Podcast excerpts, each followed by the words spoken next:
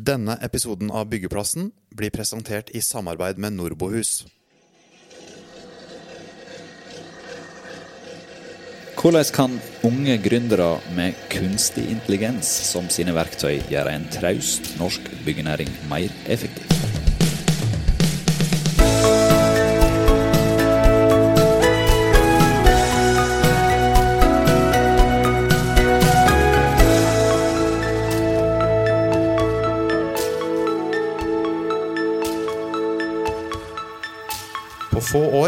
Har to norske gründerselskap utviklet software som er i ferd med å endre måten vi bygger og prosjekterer på.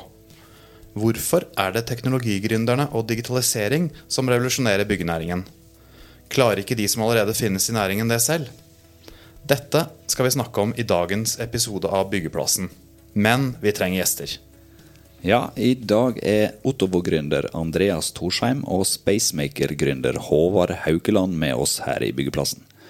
Andreas Torsheim, la oss begynne med deg. Du kan verken byggeledelse eller prosjektering, men du er god til å finne to-tre nåler i en høystakk. Det sa du til oss i fjor sommer. Hva var det du mente med det? Det jeg mente med det, var at eh, det er fortsatt ikke sånn at alle i Norge har et hus som er egnet for solceller. De har et hus i skyggen, eller det skal ikke byttes tak der på en stund. Og så er det fortsatt ikke alle i Norge som har lyst på solceller. Og Det betyr at skal du få solceller opp på takene til folk, så må du finne det punktet hvor de to interessene krysser hverandre. og Det bruker vi digitale verktøy til. Så dels bruker vi eh, Facebook-annonsering som er målretta mot de kundene som har vist interesse for solceller, eller som ligner på folk som har kjøpt solceller, for å finne de som er potensielle kunder. Og så bruker vi da et verktøy som vi har utviklet selv, som tar utgangspunkt i bygningsdata, solinnstråling og kostnadene til installatører regionalt på å prosjektere anlegget digitalt. Og, og spare kostnader for alle, både de som ikke skal kjøpe og de som skal eh, kjøpe, på å unngå, unngå befaringen. Ja, for det, det, Du viste meg det som du kalte eh, Ottovo-opplevelsen. Men kan jo Ottovo det leverer solcelleløsninger for privatmarkedet? Det er riktig. Ja. Så sa du eh, nå skal jeg gi deg opp Ottovo-opplevelsen. Og Så slo du opp PC-en, tasta inn noen gateadresse, et nummer, og så fikk jeg opp eh, pris på et anlegg som du kunne levere eh, til meg. Ja, og, og Tanken er enkel. Det er at alt som avgjør hva slags solcelleanlegg du skal ha på taket ditt, det kan vi allerede. Solas bane har vært kjent i tusenvis av år. Det går an å programmere.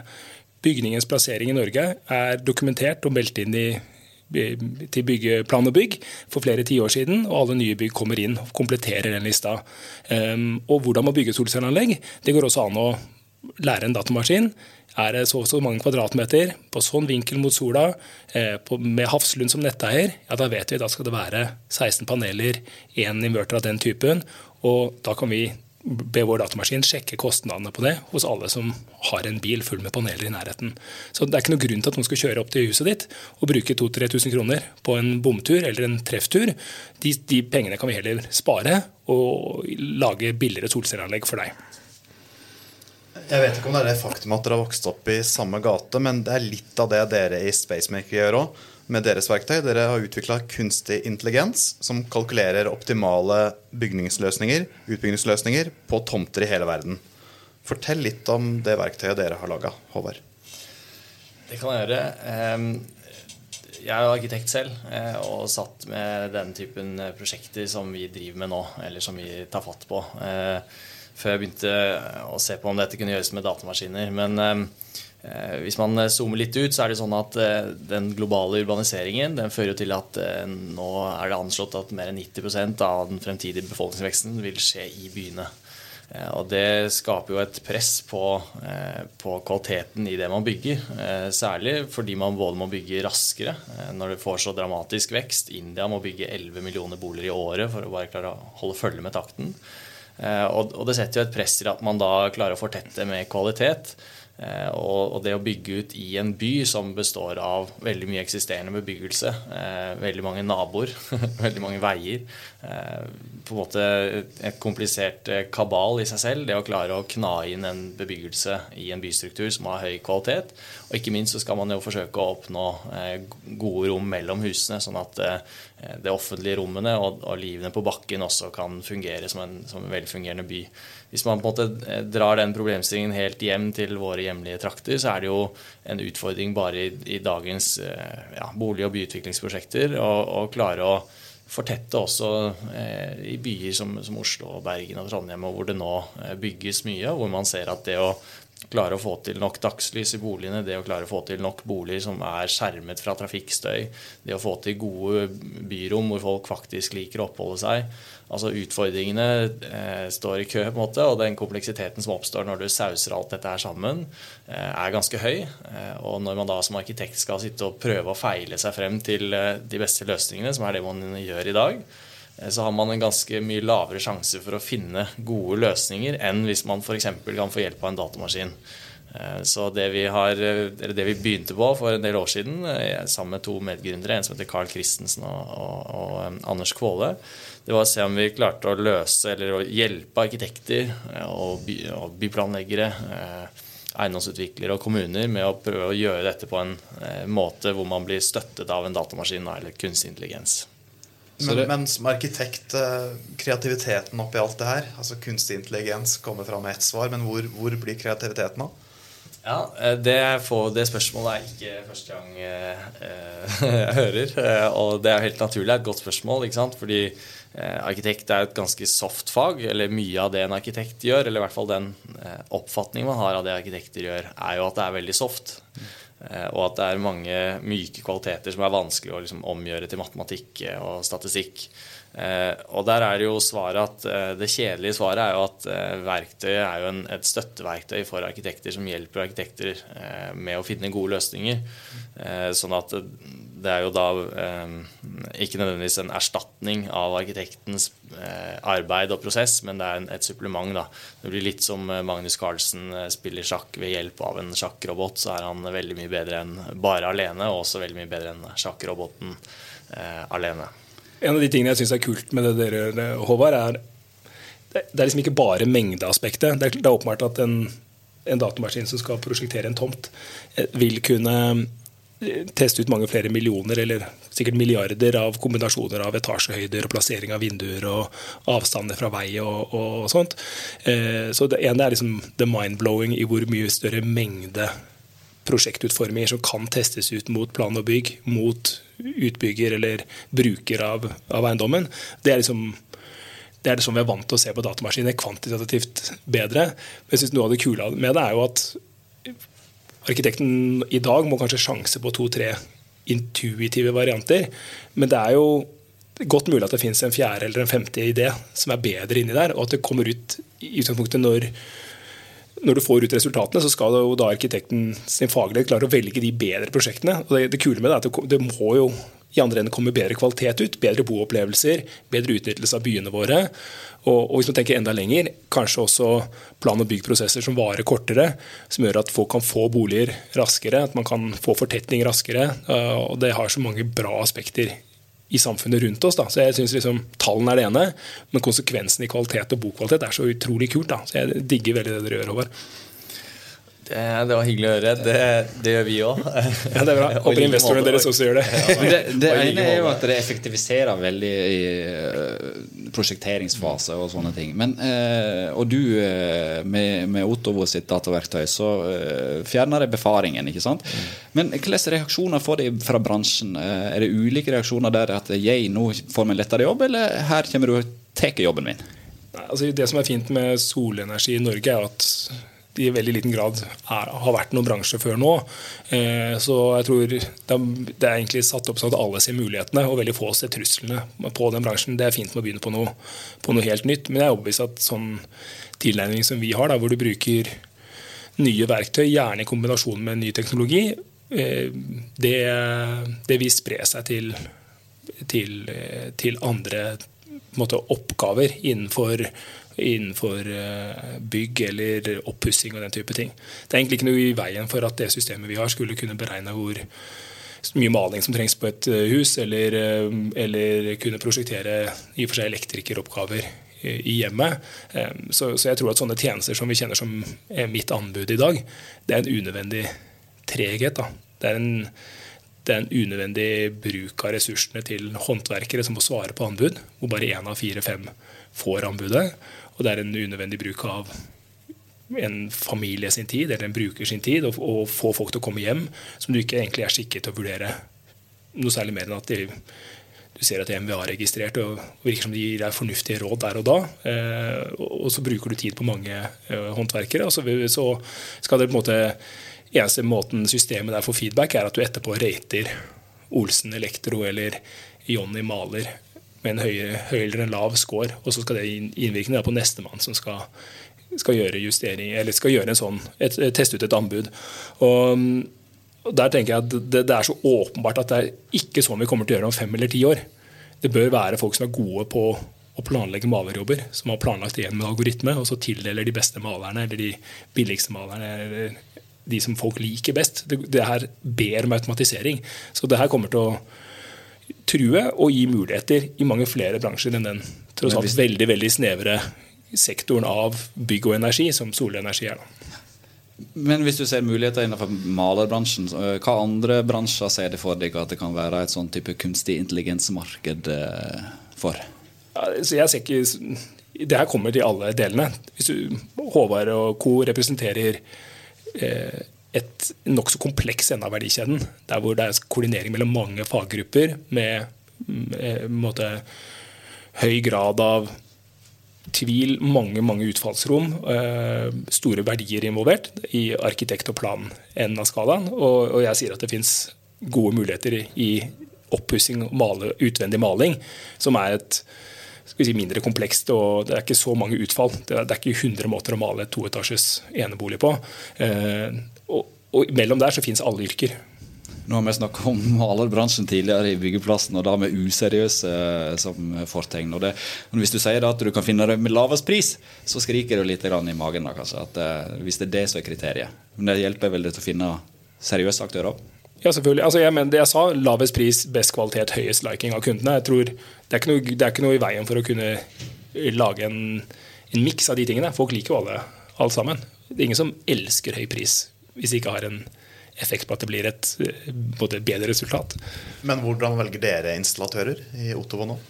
Vi bruker pris. Det er vektet, vektet tyngst. Og så er det HMS og eh, liking fra kunden. Net Promoter Score. Da. Vi tar en liten pause for å få et par ord fra våre samarbeidspartnere. Visste du at Nordbohus bygger både leiligheter, rekkehus og eneboliger? Visste jeg vel. Kan du slagordet deres? Ja, Nordbohus er bygd for å vare. Hva mener de med det? Kundetilfredshet, byggfaglig kvalitet og tømrere som bygger hver eneste bolig med omtanke og kjærlighet, er viktige elementer i Nordbohus filosofi.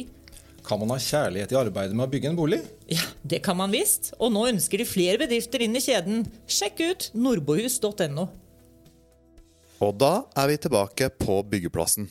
Mer ut og snakke med deg sjøl og, og, ha en viss kontroll på at det er vi gjør, stikk, vi gjør stikkprøver med en tredjeparts eh, HMS-konsulentselskap. Vi er, gjør stikkprøver selv. Og så er jo alt som er tilbakemelding fra, eh, fra kunder eller fra Um, offentligheten, som gir oss en melding på Facebook eller eh, på mail og sier at det ser ut som det er noe ureglementert som skjer et sted, så, så registreres det, og så scorer vi det fra en ikke-hendelse til en alvorlig hendelse. Det finnes en trappetrinn, og da mater vi det inn i, inn i systemet, og det påvirker da sannsynligheten for å få jobber. Men byggenæringen er jo kjent som en kanskje traust næring. Hvordan har næringa tatt imot produktene deres? Ja, det er jeg glad du spør om. Fordi eh, vi, eh, da vi begynte å, å, utvikle teknologien, så måtte vi jo sitte ganske lenge før vi klarte å se at teknologien var moden nok da, til at den kunne gi faktiske resultater på eh, på reelle tomter. Eh, og da sammenlignet vi på en måte med, med tomter hvor man da hadde sittet som arkitekt eller eh, eiendomsselskap og utviklet en løsning. Eh, hvor vi på en måte sammen med dem dekomponerte hva det var man hadde forsøkt å oppnå. Og så så vi når klarer på en måte eh, datamaskinen å finne løsninger som er bedre på alle parameterne eh, samtidig, ikke bare på noe på bekostning av noe annet. da. Og når teknologien var moden nok, så tenkte vi at istedenfor å da ansette en hel eh, gjeng fra eh, bransjen som kunne da fortelle eller på en måte være med å bygge verktøy, så tenkte vi at la oss heller begynne å teste det ut i reelle prosjekter, gjøre pilotprosjekter eh, med bransjen, sånn at vi fikk en bedre sånn product market fit, som det heter. da, At du bygger det for, for det, det markedet ønsker seg, ikke det vi tror de ønsker seg. Eh, så det vi gjorde da, var å gå ut til eh, noen av de store eh, etablerte aktørene som vi syntes var spennende, og som vi rett og slett spurte om hadde lyst til å være med oss og bygge det. Ehm, og på det tidspunktet så hadde jo vi, vi hadde jo en grunnteknologi, men produktet var jo en powerpoint-slide.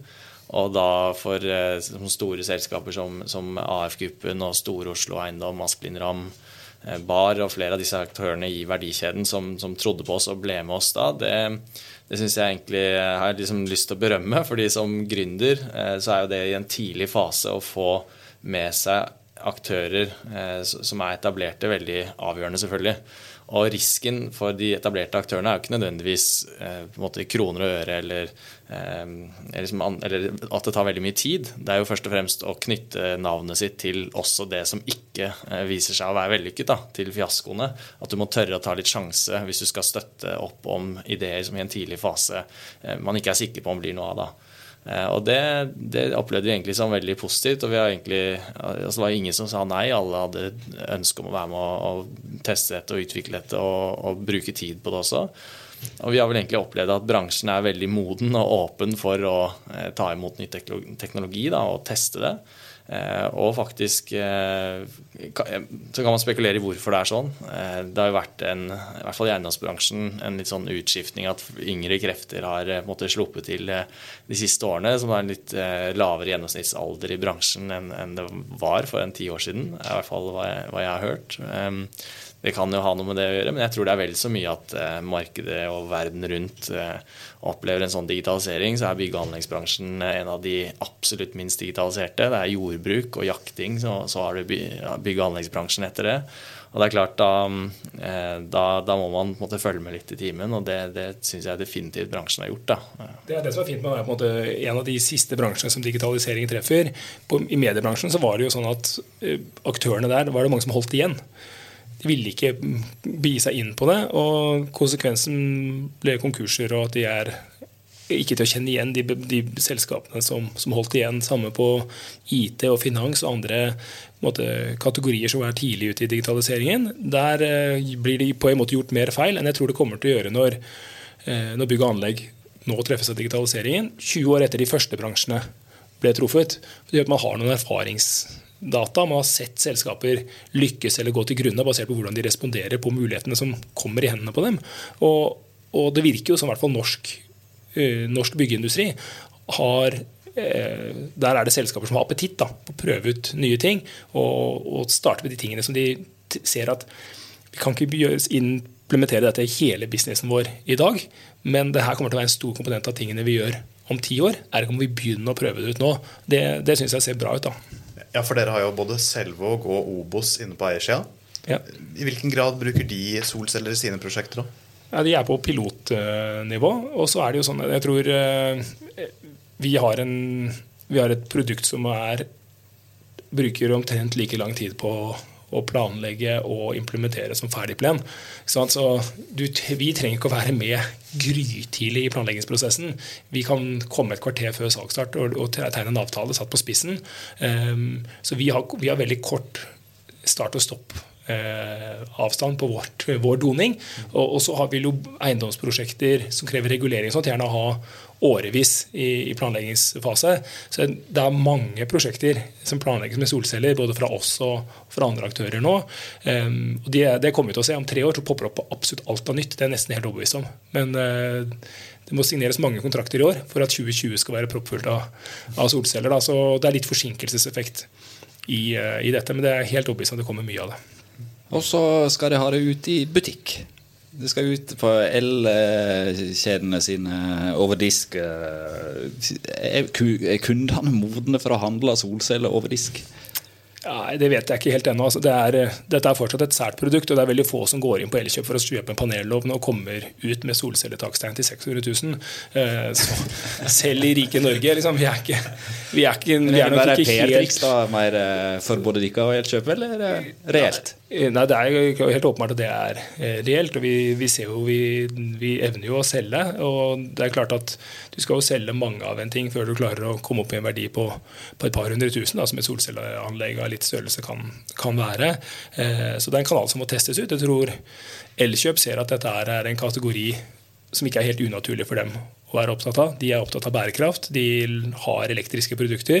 Det er ikke unaturlig at de tilbyr det som kan gjøre at kunden kan lage elektrisiteten hjemme. Men her, kom, her kommer det til å være flere som kaster seg på dette. Jeg er helt overbevist om at de eh, store materialutsalgene eh, kommer til å komme på dette i en eller annen form, og at eh, også grossistene til flere håndverkertyper kommer til å kaste seg på dette her.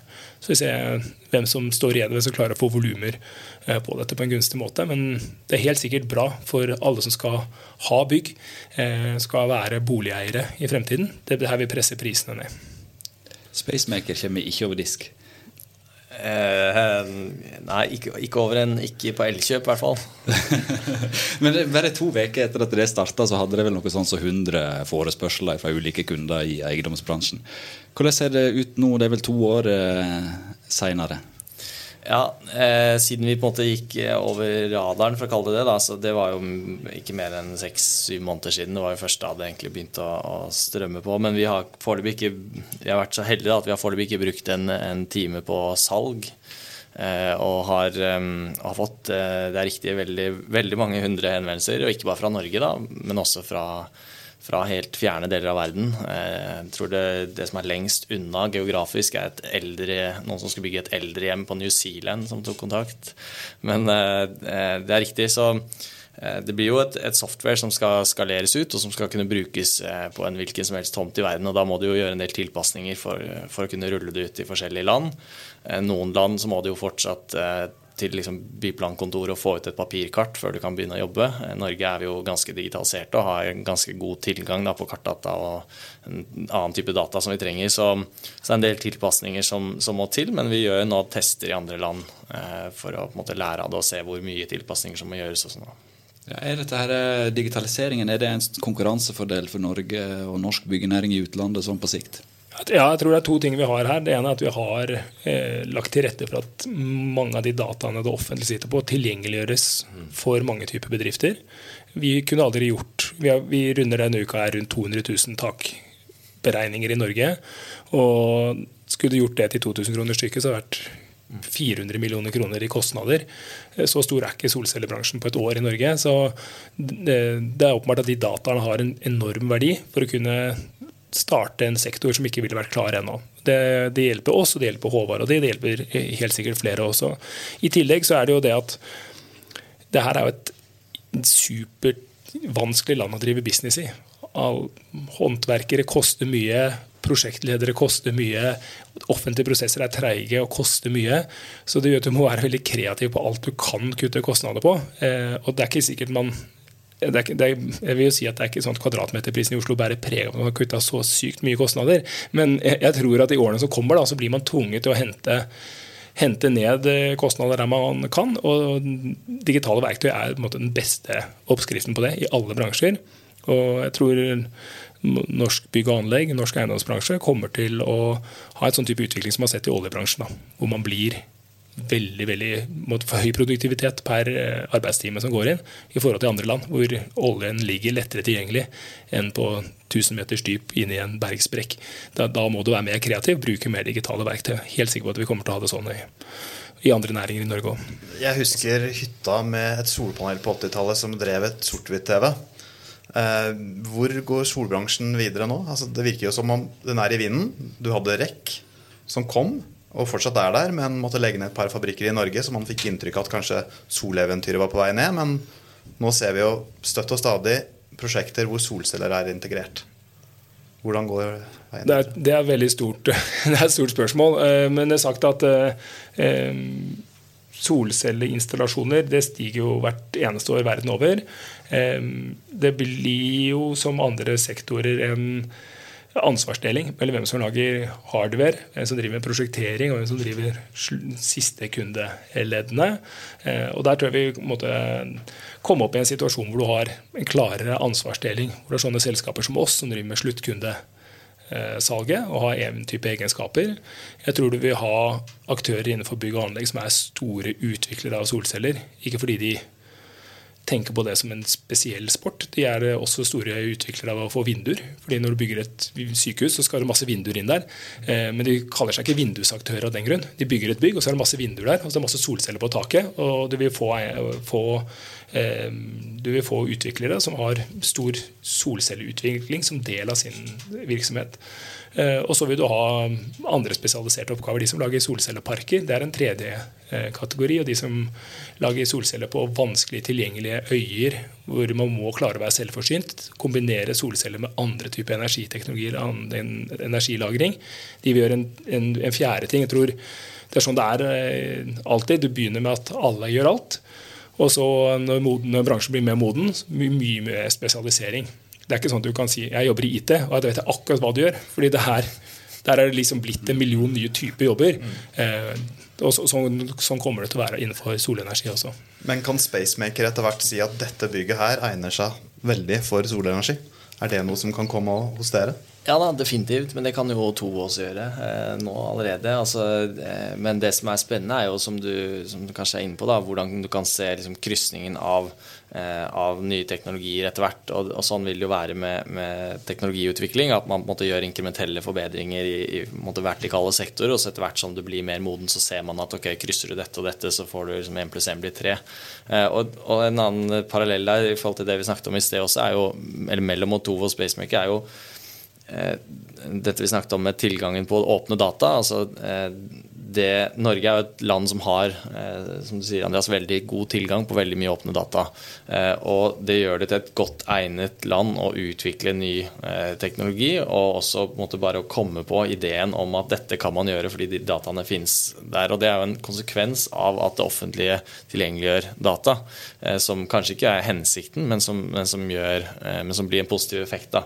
Og hvis man da ser på eh, Eller jeg, jeg syns det er et fantastisk produkt, fordi du som privatperson plutselig eh, altså Det blir senket barrieren for hva du som privatperson Hvor enkelt, både finansielt og praktisk, du kan få eh, liksom, gaver og endre hele liksom, private forbruk og økonomien din til å bruke fornybar energi. Du, liksom, du, kan med veldig lav barriere få en, en høy impact hos veldig mange. Og det er jo en god idé som fortjener å skaleres ut i andre land. Eh, hvor, hvor, dette er et enda større problem også. ikke sant? Og, men en sånn idé eh, vil jo enklere da kunne utvikles i et land hvor dette eh, er godt egnet til å, å, å fødes som en idé. Jeg satt på spissen. altså på en måte, Det var en, en venn som sa at ja, dere, er, dere er liksom som dere ligger i høydetrening. Det er så lavt oksygeninnhold i lufta i Norge liksom, i forhold til hvor lett det er å få solceller til å lykkes andre steder.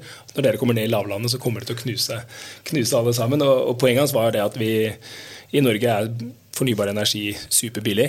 Eh, norsk, arbeids, norsk arbeidskraft er superdyr. Eh, så hvis du skal klare å få solceller til å konkurrere i det landskapet, så må du være veldig veldig digital. Mm. Og Det håper vi å kunne bevise de neste årene. Da, at vi kan ta med oss det vi har lært i Norge, sette det på satellittdata i Nederland eller Tyskland, og kunne konkurrere med aktører som har hatt det litt for lett. da. Det er Kjempespennende å høre på dere snakke om disse her eh, produktene deres. Men er det business i det i dag, da? Ja, vi, vi tjener jo penger på anleggene vi gjør.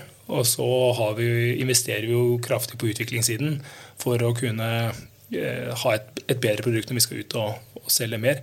Så Da vi startet, så var spørsmålet går det an å tjene penger på prosjektene i seg selv. Går det an å ha positiv bruttomargin? Og Det trodde vi det var eh, mulig, det var mulig å få til. Det brukte vi et år på. Og så nå er spørsmålet ja, går det an å ha nok prosjekter til at de bruttomarginene dere har, dekker overheden. Og da svarer ja, det tror vi skal være mulig å gjøre. Eh, men jeg har mer lyst til å gi bånn gass og komme meg ut og gape over dette markedet som er i ferd med å utvikle seg i flere land, enn å, sette, enn å sette næring etter tæring bare innenfor Norge. For Norge er og blir et møkkalite land da, med få mennesker og lite sol. Så skal du bygge et stort solenergiselskap, så må du helst til andre steder. da. Bånn gass, litt som Musk gjør både med det ene og det andre prosjektet. Ja, Uten sammenligning for øvrig, men jeg liker jo å gi gass. Otto skal ikke ut eh, i verdensrommet med det første. Hvordan er, selskapet deres om fem år? Ja, eh, det er et veldig spennende spørsmål. Og vi har jo også definitivt eh, globale ambisjoner og, og har høyt trykk på gasspedalen for å komme oss ut. Eh, det betyr ikke at vi ikke syns det er spennende å være i Norge, og Norge er et godt marked. Og vi har for så vidt hatt omsetning også fra vi begynte å gjøre pilotprosjekter, selv om vi ikke har et ferdig skalerbart produkt ennå. Og, det skyldes jo både at man selvfølgelig ser at man skaper en høy verdi, og at man skal ha betalt for det, men mest av alt at, at skal du bygge et stort bærekraftig selskap, så må du, eh, så må du både tror vi, da, eh, sikre en god lønnsomhet, eller at du eh, kan gjøre butikk av det tidlig. Det fins jo andre eksempler også, selvfølgelig. Mange plattformeksempler som, som gjør store investeringer. Men, men, det er i hvert fall noe som er mulig med, med vår teknologi. Men det som vi Eh, i likhet med, med, Andreas og Tovo er opptatt av, er jo at du må selvfølgelig gjøre store store investeringer for å få eh, skalert dette ut. For vi kommer selvfølgelig også til å få konkurrenter, selv om vi ikke har det nå. Eh, vi kommer til å Vi ser at dette skaper verdi, at dette kan skaleres ut i andre land. Og da er det jo ingen grunn til at man på en måte skal skalere det liksom organisk fra land til land, hvis man kan gå ut i parallell, hvis det er mulig å gjøre. Ehm, så, så, hvor vi er om fem år, liksom, konkret er litt vanskelig å svare på, men vi er definitivt eh, et globalt eh, eh, selskap, eller i hvert fall ambisjonen, da, for å si det sånn. og, og Tovo?